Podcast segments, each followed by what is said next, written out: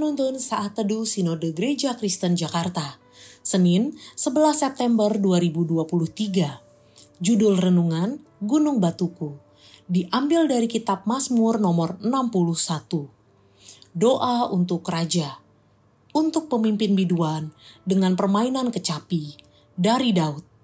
Dengarkanlah kiranya seruanku ya Allah, perhatikanlah doaku.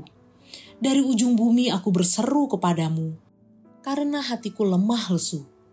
Tuntunlah aku ke gunung batu yang terlalu tinggi bagiku.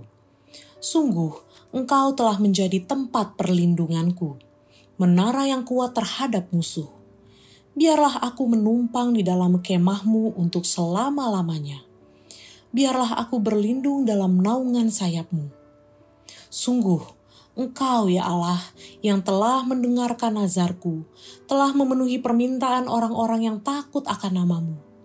Tambahilah umur raja, tahun-tahun hidupnya kiranya sampai turun-temurun. Kiranya ia bersemayam di hadapan Allah selama-lamanya.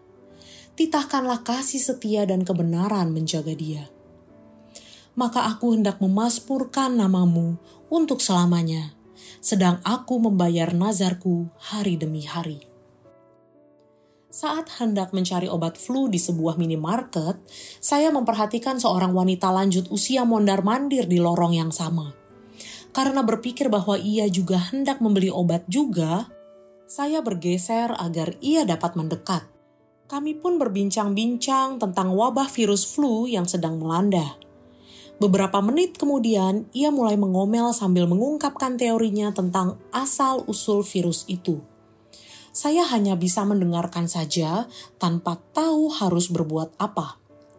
Tak lama kemudian, wanita tua itu meninggalkan toko dalam kondisi marah dan frustasi, walaupun ia telah mengungkapkan keluh kesahnya. Namun sayangnya, saat itu saya tidak berbuat apa-apa untuk menolongnya. Daud Raja kedua Israel menulis sejumlah mazmur untuk mengungkapkan rasa marah dan frustasinya kepada Allah. Namun Daud tahu bahwa Allah tidak hanya mendengarkan, tetapi juga dapat melakukan sesuatu terhadap kepedihan yang dialaminya. Dalam Mazmur 61, Daud menulis, Dari ujung bumi aku berseru kepadamu, karena hatiku lemah lesu. Tuntunlah aku ke gunung batu yang terlalu tinggi bagiku.